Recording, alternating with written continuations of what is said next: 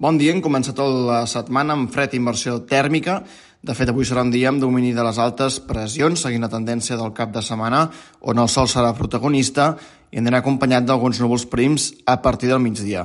A més a més, les temperatures màximes seran semblants a les d'ahir diumenge amb valors molt suaus i al voltant dels 18 i els 22 graus.